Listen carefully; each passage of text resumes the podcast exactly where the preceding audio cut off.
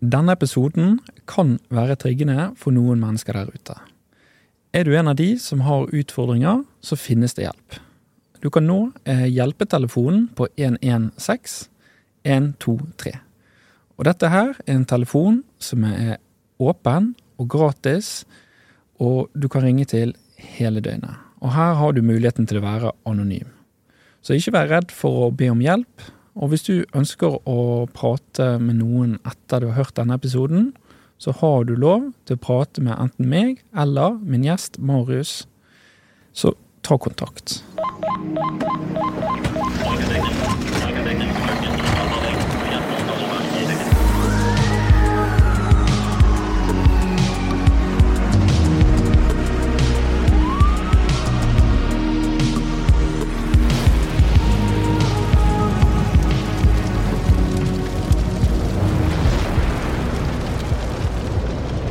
Velkommen til Brannkast. Dagens gjest er Marius Ullekleiv. Velkommen, Marius. Tusen hjertelig takk. Du, Marius, jeg har lest eh, mye om deg og din historie. Og du har mye som jeg tror vi kan lære av. Eh, og jeg har lyst til å la lytteren bli mer kjent med deg. For du har jo en historie. Du har en historie som er, handler om dette med psykisk helse. Og det er et veldig viktig tema nå, i, spesielt i brannvesenet. Så ja. Marius, hvem er du? Du, jeg er um, 37 år. Um, pappa til to fantastiske gutter. Kommer egentlig fra Født og oppvokst opp i Gudbrandsdalen, uh, Lesja. Og flytta nedover til Østlandet for å spille fotball etter hvert. Og blei værende her nede, da. Uh, hvor det da var fotball som var livet. Fram til jeg da blei politi, som, altså begynte på Politihøgskolen som 22-åring, og har vært der siden det. Ja, for du har jo jobbet som politimann i flere år, Mm. og du hadde jo en drøm. Og det er jo sånn at brann og politi, det er ikke, det er ikke så langt unna hverandre. Nei, det er ikke det. Uh, og du hadde disse drømmene. Kan du fortelle om din drøm? Ja. Mm, først så Altså, jeg har alltid hatt en sånn eh, Hva skal jeg si eh, Flamme eller uro i meg, eh, og det har jeg kanalisert eh, Altså, da jeg var liten, så var det fotball. Fotballspiller som var drømmen. Eh, og det Det var veldig mye angst i den prosessen der òg. Og jeg fikk kjenne på det livet som fotballspiller. eh, Og det var et liv som var veldig dårlig for meg. Altså den drømmen, eller den besettelsen som det egentlig blei, den var veldig usunn og veldig sånn tomt liv. Når jeg først kom dit hvor jeg fikk eh, ja, opp, oppnådde mye av det jeg hadde drømt om, egentlig, da, så var det Det var eh, Jeg hadde det ikke bra. Eh, så jeg la den la opp veldig ung, som 22-åring, og da begynte på Politihøgskolen med et klart mål egentlig om å jobbe forebyggende og gjøre noe bra for verden. Eh, hjelpe barn og unge. Og, og så gikk det ganske kort tid, egentlig, før den Før jeg ja, skjønte at eh, det var noe annet jeg heller ville, da. Eh, og det var å komme inn i beredskapstroppen, som det er politiets eliteavdeling, da, altså i det innsatsstyrke. Eh, så det blei etter hvert da en ny besettelse, egentlig, som uh, spant fullstendig ut av uh, kontroll, og endte Endte alt annet enn med en uh, drømmeavslutning, for å si det sånn. Beredskapstroppen, det er, det er et høyt mål du har satt deg. Mm.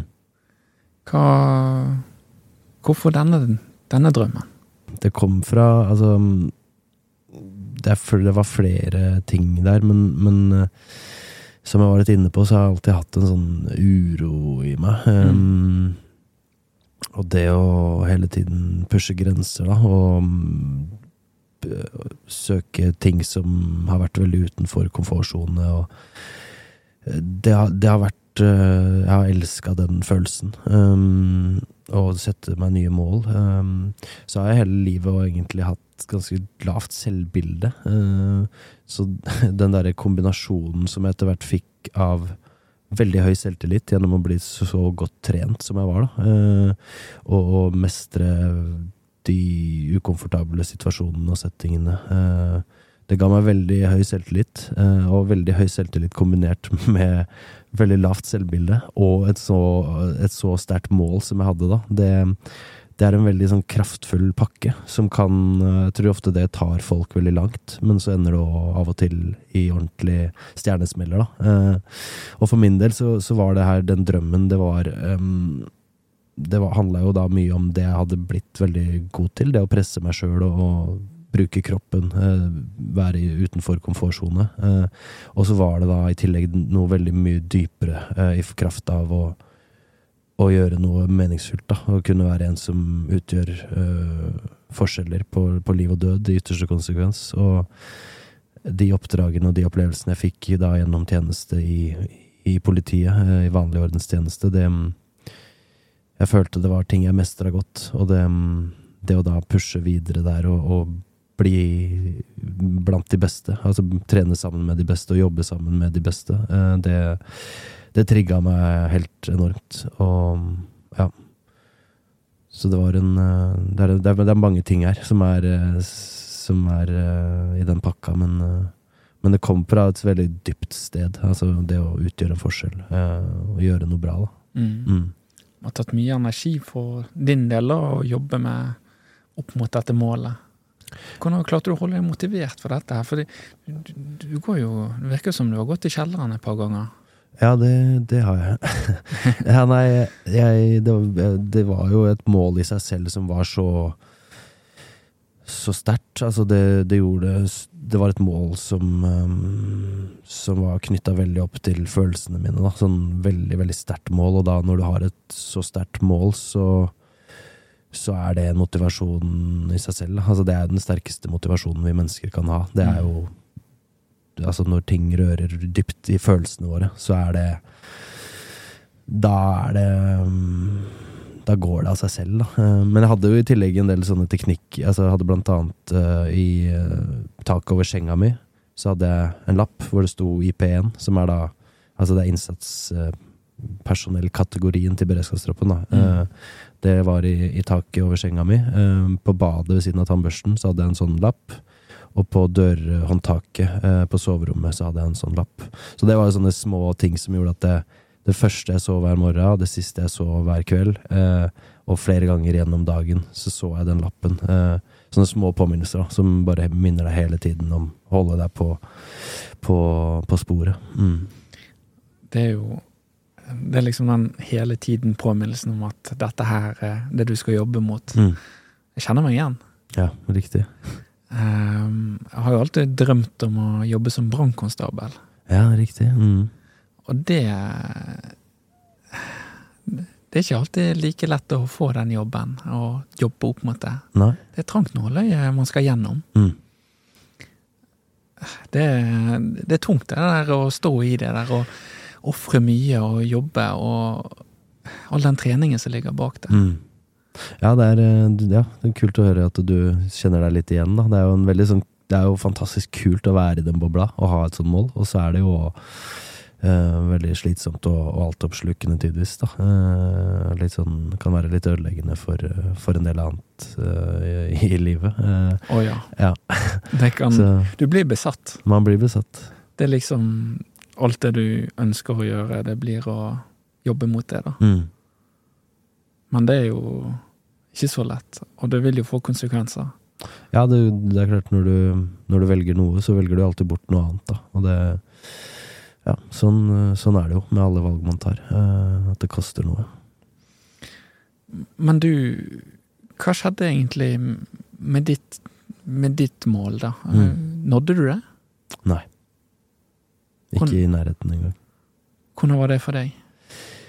Nei, det var um, Altså, for min del så var det jo så langt unna. Altså, jeg, jeg blei jo mm, Jeg møtte jo veggen før før jeg faktisk til og med fikk sendt søknaden. Um, Oi. så jeg var aldri i nærheten. Men jeg husker altså når jeg sendte den meldinga, når jeg begynte seint på høsten der, når jeg begynte virkelig å bli dårlig, da, både fysisk og mentalt, når jeg begynte å bli ordentlig utslitt, før jeg skjønte hva som skjedde, men jeg bare kjente at eh, kroppen begynte å res altså kroppen responderte eh, negativt på belastning. Eh, testresultatene mine bare gikk eh, gærne veien, uansett hvor mye jeg trente. Og ja, hadde det så vondt innvendig, da, og skjønte at det her er bare å glemme, liksom. Det å sende søknad inn der nå om en måned, det, det Altså, jeg er ikke i nærheten, liksom, av å være der jeg skal være. Så jeg husker veldig godt da jeg sendte da den meldinga til han kompisen min som, som, da, som jobber i beredskapstroppen. Eh, Han var på en måte egentlig den eneste som ja, En av veldig, veldig få da, som visste om det her. Eh, Det var en melding som jeg skrev, og så klarte jeg jo ikke å sende den. eh, For det var Sende meldingen. Ja, for det var på en måte så nederlagsfølelse i det, da. Eh, Samtidig så hadde jeg en sånn, et håp om at det ville At det var noe av det som tynga meg veldig. At det å bare få det her ut av verden ville gjøre at jeg fikk det bedre, da. Eh, Men så blei det egentlig bare verre, fordi jeg kjente på så mye skam og nederlag og ja, det føltes som jeg bare egentlig pissa på alt jeg hadde trodd på da, eh, de siste årene og jobba, jobba mot. Så, så det ble egentlig bare fylt med enda mer selvforakt og skam og, og nederlagsfølelse. Eh, da, på kort sikt. Mm. Det å gi opp, det var ikke så lett for deg.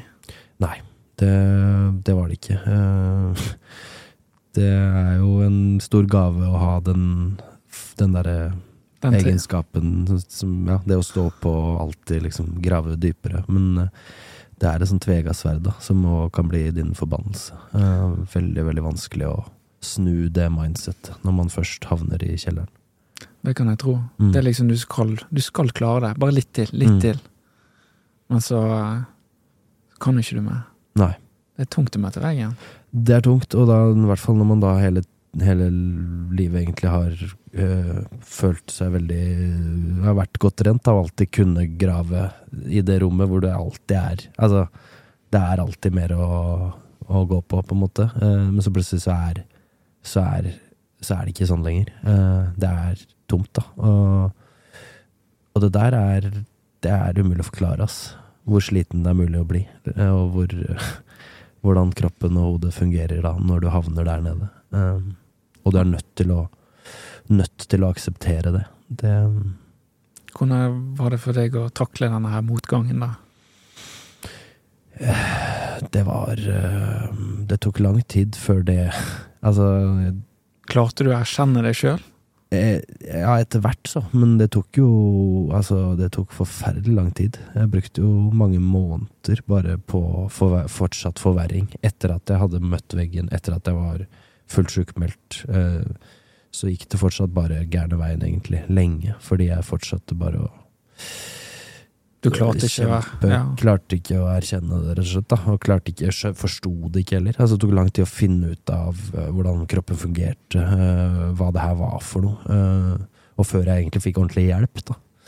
Så det var en veldig lang prosess fra, fra mm, jeg møtte veggen, til, til den erkjennelsen kom, og forståelsen, og ja, og, og jeg fikk hjelp um, som funka for meg. Så ja, de månedene der var eh, grusomme, altså.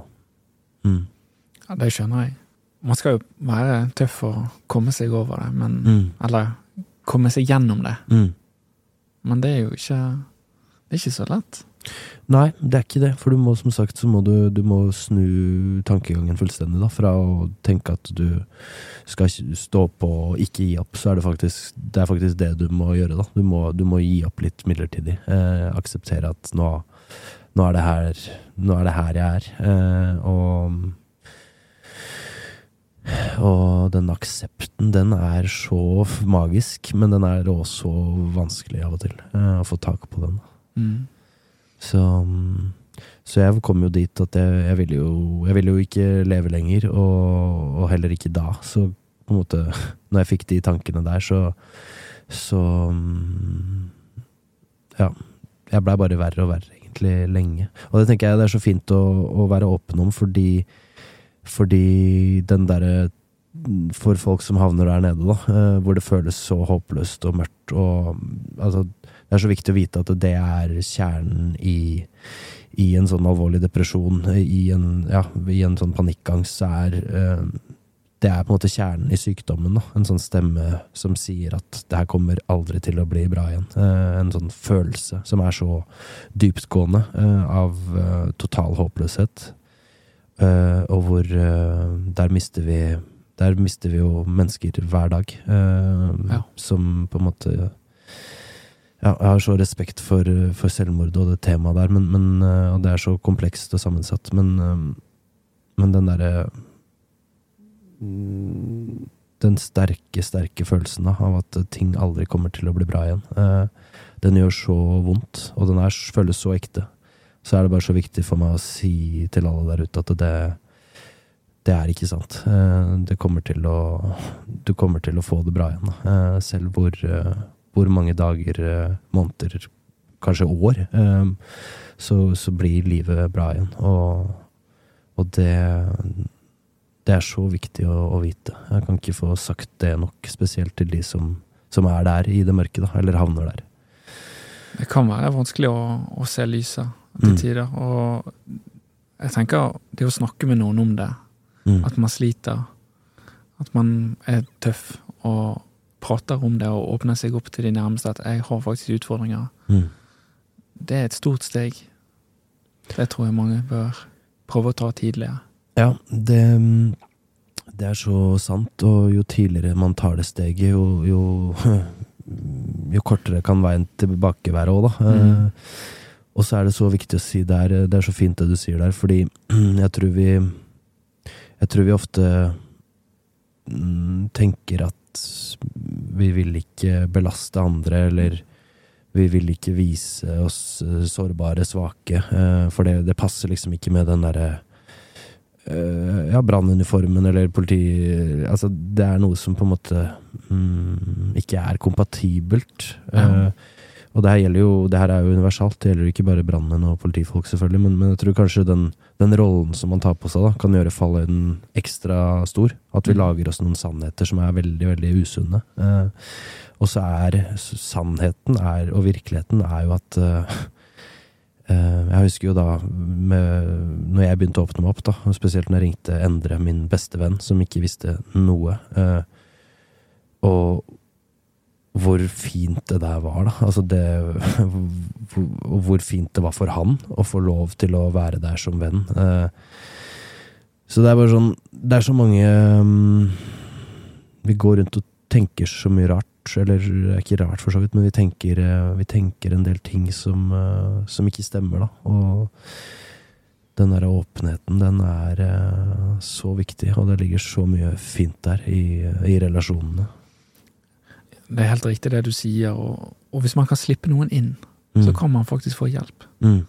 Eh, Det tror jeg. At jeg tror hvis man kan på en måte få andre til å se det, og, og på en måte gi slipp på disse smertene du har til andre, Mm. så kan man kanskje dele litt av smerten, og at det blir litt lettere, da. Mm. Definitivt. Men du sa du sleit veldig. Mm. Var det sånn at vurderte å bare ta livet av deg sjøl, eller?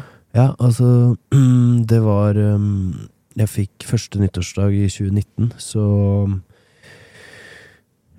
Så Det var på en måte den dagen som står igjen som Altså, det er det vondeste måter, vondeste dagen på mange måter, for da, da fikk jeg mitt første panikkangstanfall. eh, og det var på en måte den dagen hvor eh, alt bare slo ut i full blomst, da. Eh, Det raknet. ja, fullstendig. Da hadde jeg jo gått i mange måneder uten å sove ordentlig. Eh, og de siste ukene egentlig gått over i insomni. Altså jeg sov, sov nesten Sov ikke. Nei. Nei. Og bare kjempa og kjempa og kjempa. Um, men den dagen der så var det bare som om noen dro ut pluggen, og det blei Ja, det blei en kombinasjon av helt mørkt og bare et inferno. Eh, og jeg fikk da mitt første panikkangstanfall, og midt i det anfallet, midt i den Altså det helvete som det er å få sitt første panikkangstanfall, da, så, så kom det plutselig en sånn veldig ro over meg, eh, hvor, hvor det føltes som alt bare ble helt stille og rolig rundt meg. Eh, for første gang på jeg vet ikke hvor lenge, da, at jeg kjente på en sånn ro. Og så kom det um, bare veldig klare bilder av at jeg tok mitt eget liv. Um, så veldig sånn tydelig da at jeg gjorde det på grusomme måter. Uh, så det ble liksom mitt første møte med, med selvmordstanker. Da. Uh, jeg husker det var bare helt grusomt. Uh, helt absurd. og så um, blei de tankene um, egentlig mer og mer påtrengende ja, gjennom den perioden som kom. Men det som skjedde da, rett etter at jeg fikk de tankene der, altså den første nyttårsdag, så På samme måte så fikk jeg en sånn ny uh, sky med bilder, og det var ansiktene til Til uh, sønnene mine, da, som som dukka opp veldig sånn veldig, veldig klart, de fine ansiktene deres. Og det For meg så blei det en sånn mm, Ja, jeg inngikk egentlig en sånn pakt med meg selv, da. At uh, selv hvor håpløst og vondt og jævlig det her er nå, uh, så var jeg, jeg var så heldig da, at jeg beholdt rasjonaliteten og forsto at det er fortsatt det verste du kan gjøre, liksom. Uansett hvor uh, stor byrde du føler deg for alle nå, og hvor håpløst alt virker, så er det fortsatt det verste du kan gjøre. Uh, og det blei en sånn pakt som jeg inngikk med meg selv, at det skal jeg aldri, aldri utsette de for. Uh, så da jeg mm, Den pakten, den, den, på en måte holdt meg egentlig Den holdt meg i live, da, gjennom gjennom Man har jo alltid noe å leve for. Og, ja, man har det. Og det er jo det høres utrolig tungt å være i den situasjonen som det har vært i. Jeg Ja, jeg eh, Jeg får litt vondt av deg. Jo, altså, takk, takk for det. det. det. har vært uh, veldig vondt, og, og mm, Det har vært beintøft, og er fortsatt tidvis, tidvis uh, det. Uh, men det er Man lærer så mye underveis, da, og det gjelder liksom hele tiden å ja, utfordre de tankemønstrene litt, og ja. Men var det noen som merket dette her på deg? At du var så mm. nede, at du fikk dette panikkangsten og Nei, altså Det var Jeg skjulte det veldig, veldig godt uh, for alle, egentlig. Men etter hvert inn i jula der, så begynte det å bli såpass heftig at jeg åpna meg litt. eh, sånn, ja til de aller nærmeste, da. Fordi det begynte å bli vanskelig å være til stede, egentlig, i juleselskaper og forskjellige. Um, men det var ingen som så noe utenifra. Jeg gikk på jobb hele veien der. Uh, dro på fylla, det siste jeg gjorde før, uh, før juleferien. Altså trente og gjennomførte fysiske tester og leverte på en måte på alle fronter helt til, helt til siste siste krampetrekning, da, hvor det bare gikk ikke lenger. Det er jo litt sånn som du sa i sted, da. Vi er jo, vi jo machomenn, mange av oss. Og mm. når du har den uniformen på, eller er i det yrket, så Det er jo den der kulturen som ligger litt i bunnen også. At mm. du skal ikke vise eh, noe svakhet, eller Det er vanskelig, da. Mm. Du vet ikke om hva som respons kommer til å skje hvis hvis eh, folk får vite om det, og du har ikke lyst til å være den svake, eller noe sånt? Nei, man vil jo ikke det. Og det er eh, Det er jo litt sånn igjen, som det ofte er med alt, egentlig, altså at det er biologisk i oss òg, da. Eh, at vi, vi, vi liker ikke å vise oss sårbare. Og mm, for min del så var jeg jo helt Jeg var jo helt overbevist om at jeg var den eneste politimannen i, i verden. Altså den eneste politimannen i, som opplevde det her. Uh, Men det er du vel ikke? Nei, på ingen måte. Og det mm, Men det var bare Ja, det var så mye i det, da. Så mye skam, så mye ensomhet, så mye Så mye vondt som gjorde at uh, at uh, den uh, fallhøyden og skammen bare var uh, veldig, veldig altoppslukende. Men dette her er jo bunnpunktet ditt. Mm. Altså, hvordan Du kjente du hadde lyst til å ja, gjøre vonde ting. Men Mm. reagerte kroppen din på en måte? Altså, du snakket jo om eh, at resultatene gikk nedover, og Mm. Hvordan var kroppen og hodet ditt? Altså, fikk du noen sånne reaksjoner som Mm. Altså, hva, hva reaksjoner fikk du? Mm. Ja, det er jo øh, Vi prater jo ofte om mental helse og altså psyken.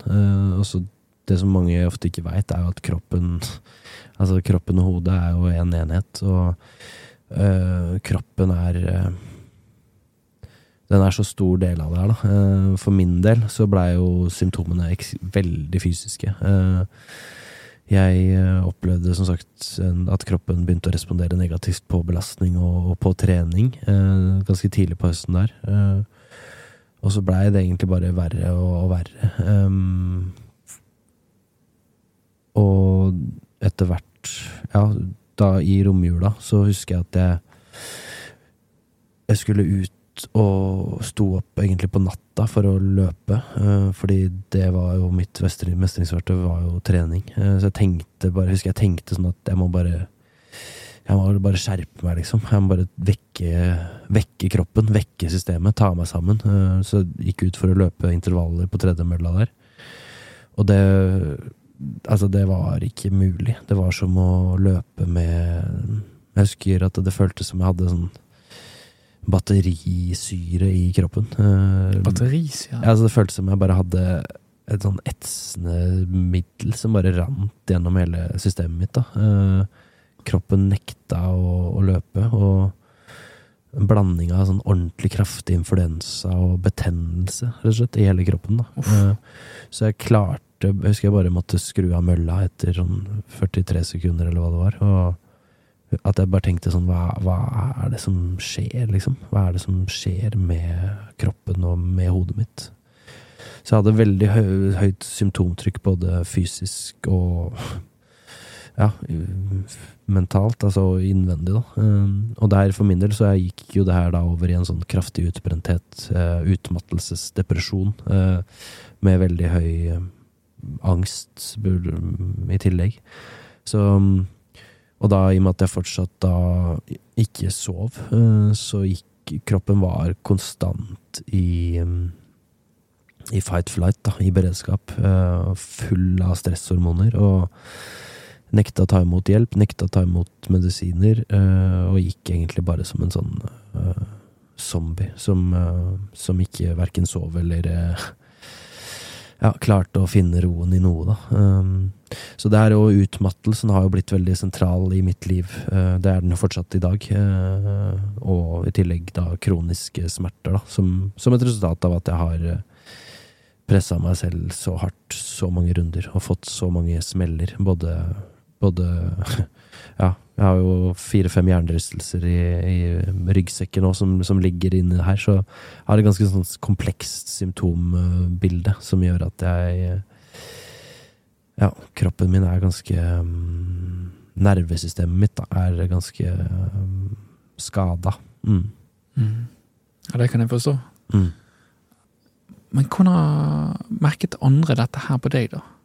Nei, fordi hjemme så blei det veldig mm, vond og utrygg greie egentlig en stund, fordi jeg sleit med å åpne meg opp, og ja, i januar der så fikk jeg jo et nytt panikkangstanfall som endte med at jeg besvimte. Eh, Besvimte? besvimte i, midt i panikkangstanfallet. Fikk sånn altså, blodfall. Så jeg husker bare at, at jeg våkner opp, eh, at kona driver med vi- altså, Prøver å gjenopplive meg. Oi. Og det hører bare barnegråt og altså fullstendig sånn kaos, da. Eh, og det var jo da mm, De opplevde jo at jeg døde. Eh, barna hørte jo Oi. bare smellet, og hørte mm, da ja, kona mi, da, som, som eh, ja, febrilsk prøvde å få liv i meg igjen. Eh, så, så det skjedde veldig mye vondt eh, som de mm, så, da, på, på nært hold. Jeg var ikke så flink til å sette ord på det, og skjønte jo heller ikke så godt hva som skjedde.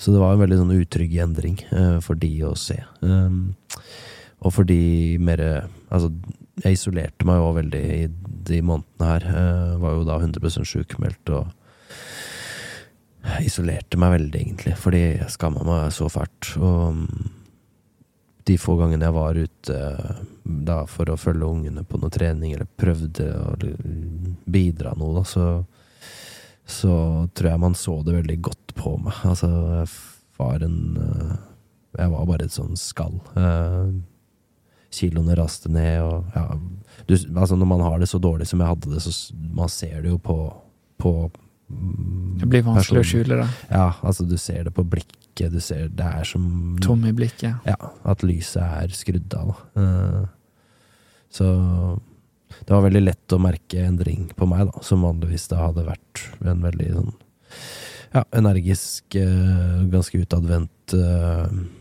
sterk mann, som plutselig var veldig unnvikende og mm, ja, mørk, rett og slett, på, på mange måter. Den hendelsen som skjedde med deg da du fikk panikkanfall og besvimte, Mm, og så står du der med Våkner du? mm. Hvordan er det å se på det i ettertid? Nei, det er, det er veldig, vond, uh, veldig vondt å tenke tilbake på, fordi jeg veit at det der det,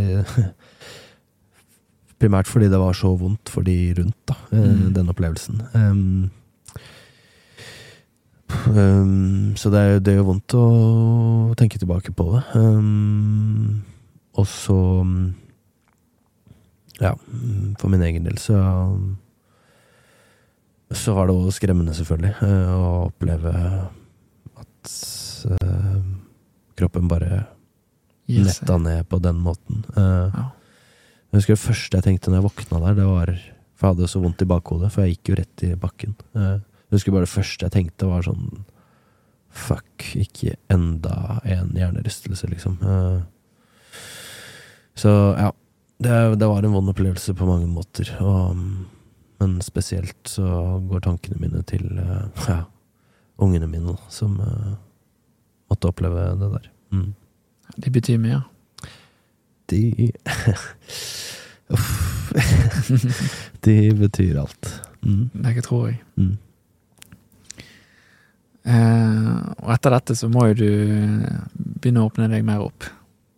Ja, eh, det går fortsatt eh, en god stund eh, før jeg Jeg er hos noen psykologer, eh, og det funker ikke helt. eh, Så jeg gir opp det, og er veldig overbevist om at eh, det er ingen, ingen psykolog som kan hjelpe meg. Altså, skjønte liksom ikke helt eh, prinsippet der. eh, Og tenkte at det er ingen som kan prate meg ut av Altså, det her er håpløst. Jeg må på en måte bare håpe på et mirakel liksom langt der framme. Eh, Men så var det Det var etter en natt i februar hvor jeg våkna igjen, da. eh, Sånn som jeg alltid gjorde etter å ha sovet tre kvarter. Altså bare sånn lite, liten dupp. eh, Våkna av et mareritt hvor jeg igjen hadde da drømt om at jeg tok mitt eget liv. Altså, De tankene der hjemsøkte meg hele tida. Eh, Så våkna bare med sånn full eh, stressrespons og gjennomsvett. Eh, Og da husker jeg bare at jeg ringte til moren min den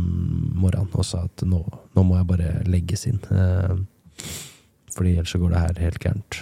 Og da, det blei et sånn Det ble et lite vendepunkt, for da den morgenen kom mamma hjem til meg og ja, husker bare hun kom inn den døra der eh, og gi meg en sånn kjempeklem, holde rundt meg så hardt eh, og godt, eh, og da bare Da var det som å bare punktere en ballong, da. Bare begynte å fossgrine, eh, og gråt og gråt og gråt. Eh, og da, den dagen, så åpna jeg meg veldig eh, til henne, og fikk besøk av Rune, en av forloverne mine. Og da mm, kjente jeg da for første gang egentlig på hvor godt det var å prate og gråte, liksom. At det, det funka. Uh, fordi mestringsverktøyet mitt, som alltid har vært trening, det, det kunne jeg jo ikke gjøre. Uh, fordi kroppen var som den var. Uh, men da kjente jeg på at hm, det her er faktisk Det her er godt, da. Det å sette ord på ting og gråte og Og da ja, skrinla vi innleggelse. Vi ringte til DPS og kartla litt og sånn, men jeg bestemte meg for at jeg vil prøve en psykolog til, eh, og jeg vil Ja. Jeg vil, eh, jeg vil ha hjelp, da. Så det ble et lite sånn vendepunkt der, og, og møtet med da denne psykologen Jon Petter Fagerhaug, det blei ble virkelig et vendepunkt. Fordi vi Han, han nådde inn til meg fra første sekund. Eh, og da begynte det sakte, men sikkert å rulle riktig vei, da. Eh, fortsatt veldig lang prosess med masse oppturer og nedturer, men, eh, men eh, da begynte jeg å skjønne at ja, det hjelper å prate, da. Det hjelper å bearbeide, og det hjelper å få andre stemmer inn i, i kroppen og hodet som, mm. som eh, utfordrer de sannhetene som du tror på, som du går med for deg selv. Hvordan tok de rundt deg det? Mm. Moren din, når hun fikk vite dette her? Uh, det var uh, Det må ha vært litt tøft å ta det skrittet. Ja, altså mm, Jeg tror egentlig for alle de nærmeste så, så var det veldig godt når jeg begynte å åpne meg opp, fordi noe av det vondeste er å se at noen du er glad i, har det skikkelig vondt. Uten at du slipper inn, og uten at du får, får komme inn der. Eh, Så når jeg da begynte å åpne opp, så var det veldig, veldig bra eh, for relasjonene mine og for oss alle, egentlig. Eh, Og så var det så veldig mye vondt i det òg. Men ehm, Nei, det er eh, altså som sagt da både de nærmeste og etter hvert på jobben eh, Ja, det ligger bare så mye fint da i åpenhet på i trygge, i trygge relasjoner. Eh, det skaper bare Altså, det knytter så sterke bånd, og man deler Man deler eh, dypere ting eh, som gjør at livet får rett og slett liksom mer farger da, av å dele både de vonde tingene og de fine tingene, ikke bare det derre den derre kaffepraten som handler om uh, Ja um, ting som er mer i overflata. Som, er, som også er veldig fine ting, for all del. Men, men Få litt dybde kan hjelpe. Det kan hjelpe. I hvert fall i sånne kriser, så er det jo alfa og omega. Jeg tror det er litt sånn glemt også. Vi spør ofte hvordan gikk det i helgen, men Eller hvordan går det? Eh, Mm. Men det er litt sånn Vi tør ikke å grave helt, da. Men jeg tror at hvis vi tør å grave litt, så kan vi åpne opp for flere sånne samtaler. Ja, definitivt. Og så tror jeg det er litt sånn Med menn så er det nok um,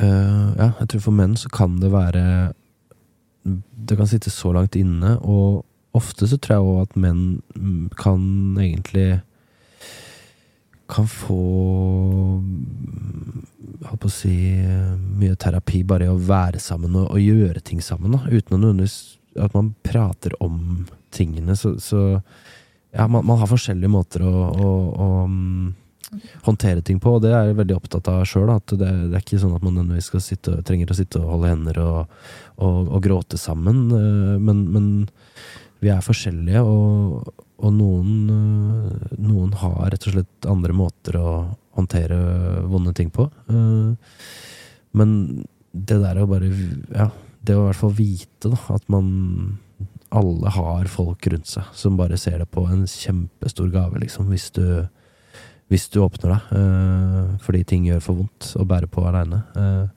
jeg tror bare det er så viktig å, å vite det. da. Mm. få den kunnskapen om at det er noe som styrker relasjonene. Det er ikke Mm. noe som vil gjøre at han tenker dårligere om deg. eh, tvert imot. Det er eh, Jeg husker så godt sjøl. Jeg så eh, begynte å få da disse perspektivendringene. Så menn, sånne st store, sterke menn som for meg hadde vært forbilder. da. Eh, blant annet Michael Phelps, som er tidenes mestvinnende olympier. Eh, begynte å lese om han, og hvordan han hadde slitt med, med både selvmordstanker, med angst og alvorlig depresjon. Eh, og bare tenkte fy faen, altså så modig du er, mann. Eh, hvordan han bare blei enda råere da, gjennom å være så modig som jeg syns han var. Eh, men selv så gikk jeg jo da og følte meg bare som Jeg følte meg så svak, ynkelig eh, Så det er veldig interessant hvordan man ser på andre, og hva man tenker om seg selv. Uh, og mm, ja, poenget mitt er vel egentlig bare at um, det å åpne seg opp for folk som du er trygg på, det er utelukkende en veldig, veldig fin ting. Absolutt. Og jeg er helt enig med deg når du sier at dette kan styrke relasjoner. Du, du bryter jo ned noen barrierer som gjør at du får kjent et menneske på et helt annet eh, level eller nivå. Det, du får på en måte se flere farger av vedkommende. Mm. Det tror jeg hjelper. Mm. Og det tror jeg også kan bidra til at hvis, hvis han skal hjelpe deg, så kan han også forstå deg mer, da. Så, eh, og jeg er helt også enig med deg med at ja, det, alt trenger ikke være at vi skal grine sammen, eller Men bare faktisk bare er sammen, og gjør Mm. noe sammen, og trenger ikke snakke. Mm. Bare gå og spille litt golf. Mm. Game eller et eller annet. Bare Mm. liksom Og så bare vite at jeg har det. Jævlig. Nettopp. Nettopp. Og ja, det er så vondt å gå og ta seg sammen og late som. Så det å bare kunne si det, og så ja. Men det er jo et ordtak. Tøffe gutter, gutter gråter ikke. Mm. Eller store menn gråter ikke. Mm. Hva tenker du om det? Jeg reiser rundt nå med et foredrag som heter 'Store gutter gråter ikke'. Eh, og det mm, Ja, det er jo Det viser seg jo at eh, i hvert fall de mennene som jeg har eh, sett mest opp til, eh, de mest robuste mennene, altså de som jeg hadde tatt med meg i, i krigen eh, de har vist seg å ha så mange flere lag, da. Eh, De er De er der når det virkelig, virkelig drar seg til. Og så er de der og tør å Tør å vise følelser, da. Så for meg så er det mm, Ja, det er jo en sånn eh, ironisk eller eh, undrende et undrende snitt ved, den, ved, den, ved det utsagnet, da. Eh, og De gråter. Ja, altså, jeg, jeg har ikke noe fasit jeg på, på, på det, men eh, jeg, veit jo at vi har kommet dit i 2023, at det å gråte, det er ikke, det er ikke svakhet. Eh, det, er, eh, det er bare et tegn på at du er et menneske. Styrke. Ja. Sårbarhet er eh, Når du finner sårbarheten din og tar eierskap til den, så er det en så stor styrke. Hva er det de sier? Whatever doesn't kill you makes you stronger, eller noe sånt? Ja, det, det er noe sånn, og, og så er det Den nå er jeg litt sånn eh, utforskende på, da, fordi jeg tenker um, Jeg ja, prata jo blant annet litt med Else Kåss Furuseth om akkurat det, det der. eh, og hun er jo litt sånn hmm, Ja, er ikke nødvendigvis helt enig i det, da, fordi hun tenker at hun hadde hatt det bedre uten alle de vonde tingene som har skjedd i, i hennes liv. Eh, men eh, Så jeg tror det handler litt om hvordan, hvordan, man, eh, hvordan man ser på det. Fordi noen, noen slag da, noen slag som gir livet deg, det, nei, som livet gir deg, det er eh, Det er slag som du helst ville vært foruten, og som kanskje svekker deg. Men Men det er jo Ja, man kan, man kan virkelig få superkrefter altså, av å komme Oppleve vonde ting og komme gjennom det, og ja, ut på andre siden med nye perspektiver. Man blir sterkere. Etter hvert så blir man det. Ja. Mm. Man må bare stå i det og holde ut. Ja, og så er det jo kanskje Kanskje man må gi opp litt sånn midlertidig òg, da. Ikke bare Ja. holde ut, men eh, gi opp litt. Veldig påpeke at det er midlertidig det er snakk om her, ikke gi opp eh, permanent. Men eh, det der å holde ut og holde ut og holde ut og ta seg sammen, det, det er fryktelig slitsomt. Men det Mm. å holde ut eh, livet, altså det å ikke eh, gi opp livet, altså å gjøre fatale ting, det er det er så viktig å, å formidle. At det mm, Stå i det, fordi du får livet tilbake igjen på et eller annet tidspunkt. Lyset kommer tilbake, og du får det godt igjen. Så Det blir bedre. mm. Men hvis du skulle gitt noe råd da, til, eh, til lytteren, Mm. hvor begynner man hvis man uh, har litt utfordringer? Mm. Jeg tenker For det første så er det der perspektivet da, på, på mm, psykisk helse, altså psykisk uhelse, det er Det er egentlig bare, når alt kommer til alt, så handler det om at du presser deg for langt, eh, eller blir pressa for langt, eh, på ulike måter. Eh, Vi tenker veldig ofte at det er noe sånn svakt, eller at det er noe galt med oss, eller det er noe, fortsatt tidvis noe sånn tabu belagt over det. Så bare det å vite at det, det er det ikke, da. Det er ikke noe galt med deg. Det er bare at du har blitt pressa, eller du har pressa deg for langt for lenge nå, eh, og da blir du sliten. Og når du blir så sliten, så, så får man symptomer. Eh, man får eh, ja, Man blir syk. angst, depresjon, altså disse, disse reaksjonene da, som kan være forferdelig skumle og, og ekle. Så det å bare vite at det, du er ikke svak, du er ikke, du er Det er ikke noe galt med deg. Du er bare veldig, veldig, veldig sliten. Eh, sannsynligvis. Og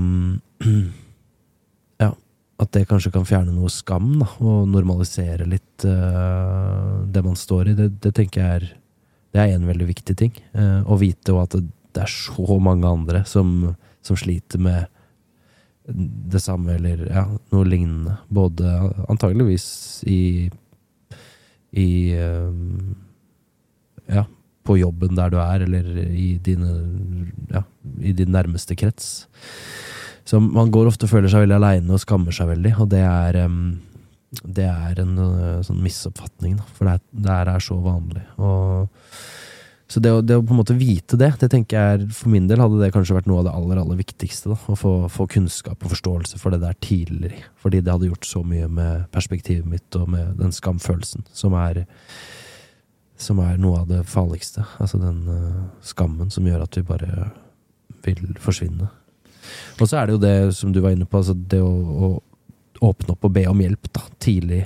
Jo tidligere, jo bedre. Uh, og ja, rett og slett uh, få, få hjelp. Få en stemme inn som, som er litt mer konstruktiv og gir deg noen andre perspektiver enn det du går og mater deg selv med. Som ofte blir en veldig negativ spiral da, når man er i en sånn tilstand. Jeg tenker jo Jeg er helt enig. Mm. Og så så snakke om det. Mm. Da har vi også sånne som deg, der, som snakker om det. Mm. Snakker om psykisk helse. Det er viktig. Ja, det er kjempeviktig. Igjen så er det sånn, for meg har det blitt like Altså, jeg, jeg har jo fortsatt øh, angst. øh, og det for meg for fem år siden, å liksom skulle si At noen skulle vite at jeg hadde angst, eller at jeg hadde gått på en smell, eller Altså, det var bare sånn Det var det verste.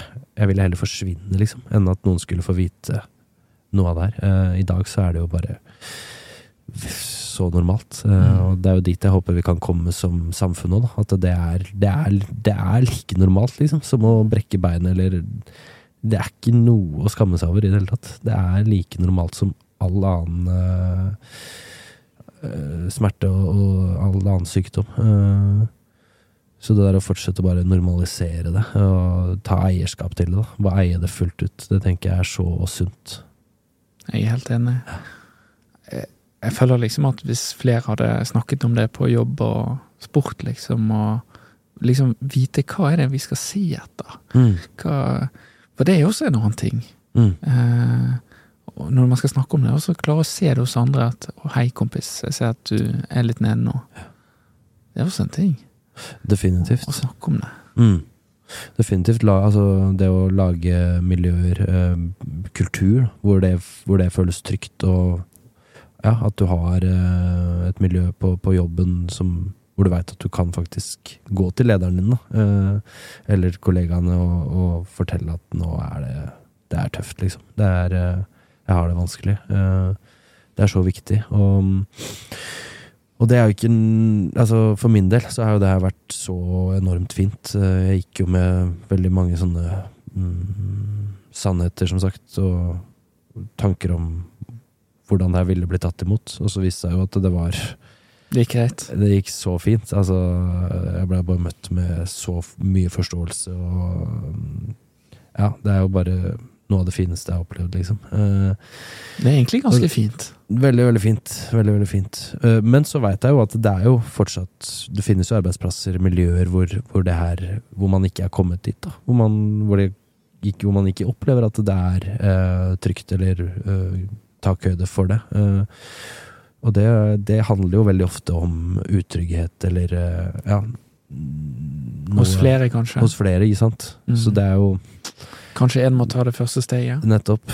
Så, så det er jo det der å, å skape kultur og bygge miljø uh, Bygge lag. Bygge lag, ikke sant. Uh, de beste teamene i verden, det er jo teams hvor nettopp det å være ærlig på sårbarhet og usikkerhet, det er Altså, det er så viktig faktor i et godt lag, da. Det å tørre å si at du, nå, nå trenger jeg det av deg, nå er jeg usikker på det her, eller nå sliter jeg med det her. Det her forstår Altså, det å sette ord på sårbarhet og usikkerhet i alle former, det er eh,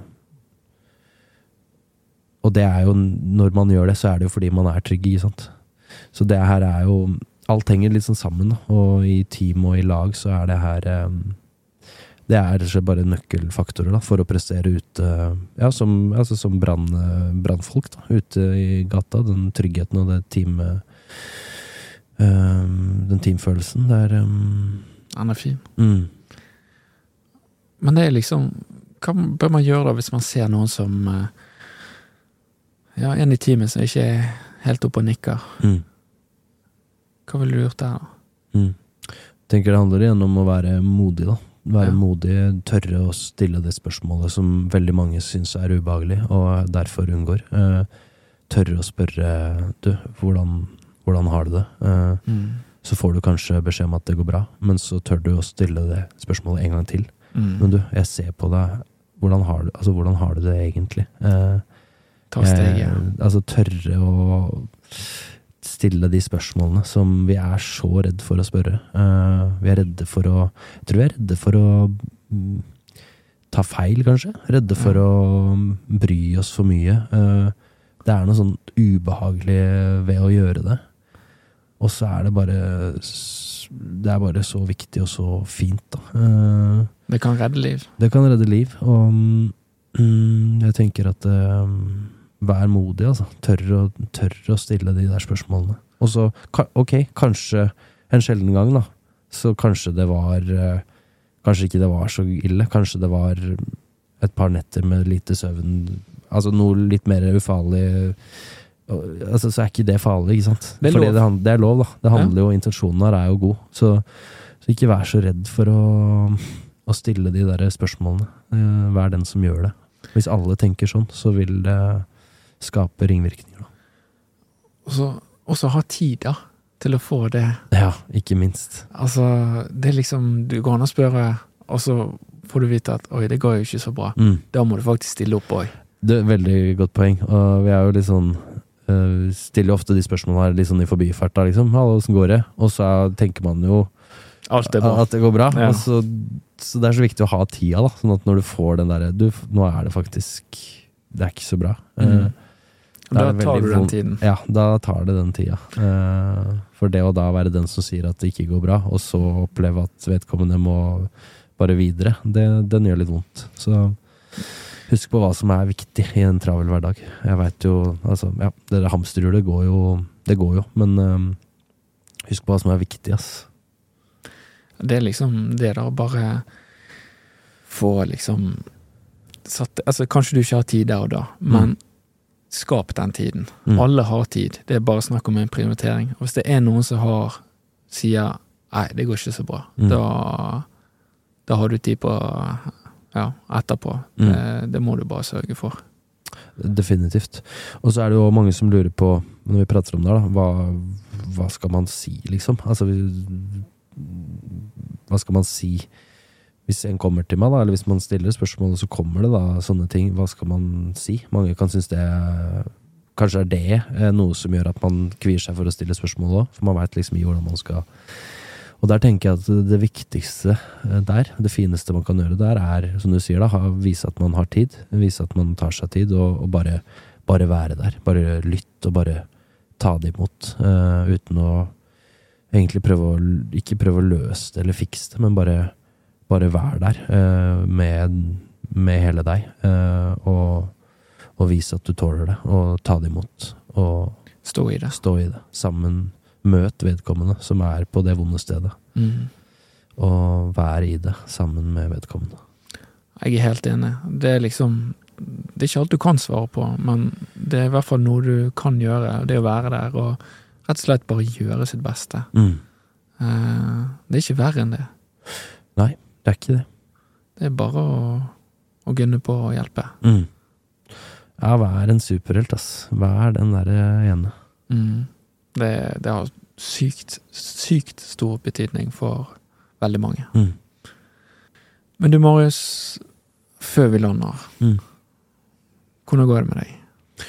Du, jeg har Jeg har det um, Jeg har, har veldig mye i livet mitt som er veldig bra. eh, og så har jeg fortsatt eh, en del begrensninger. Altså, jeg har, som jeg nevnte i stad, jeg har en kropp som har helt andre grenser enn før. Um, jeg kan fortsatt ikke trene. Um, fortsatt veldig mye av det jeg elsker som jeg ikke kan gjøre. Uh, så jeg lever jo med eh, både utmattelse og kroniske smerter og en del angst. Um, men jeg er som sagt opptatt av å mm, ja øh, leve med det, og gi rom til det, samtidig som jeg veldig opptatt av å, å mm, utfordre de grensene og, og ja, fokusere på hva jeg faktisk kan gjøre, da. Um, så jeg har veldig mye fint i livet mitt, og mm, noe av det som,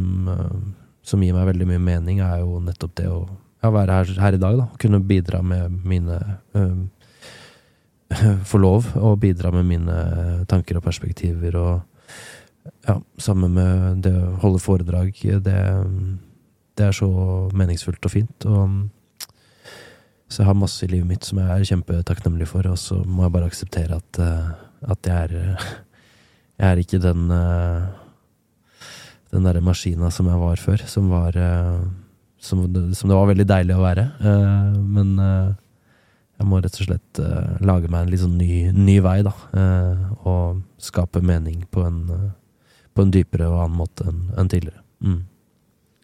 Marius, du er et eh, fint menneske. Tusen hjertelig takk, Eivind, og tusen takk for invitasjonen. Det er veldig, veldig fint eh, å være her, og fortsette med det gode arbeidet som du gjør. Jeg vil bare si akkurat det samme til deg. Du, du gjør noe som er veldig viktig, og det er å prate om dette her. Så jeg er veldig takknemlig for at du har stilt opp og bidratt til at eh, flere kan gjøre gode valg fremover. Tusen eh, hjertelig takk for fine ord. Til deg som har lyttet på denne episoden, så, eh, så vet vi at noen kan ha utfordringer. Og igjen, hvis du har eh, Hvis du er en av disse, så kan du få hjelp på hjelpetelefonen på 116 123. Og igjen, det er bare å ta kontakt med meg eller Marius etterpå. Takk for at du lyttet på. Hallo, er du fortsatt der? Visste du at du kan støtte Brannkast med bare 20 kroner i måneden? Med din støtte vil podkasten bli eh, bærekraftig, og det blir mulighet for enda flere episoder. Støtt oss via Patron. Du finner støttemulighet i bioen vår på sosiale medier. Takk for eh, hjelpen.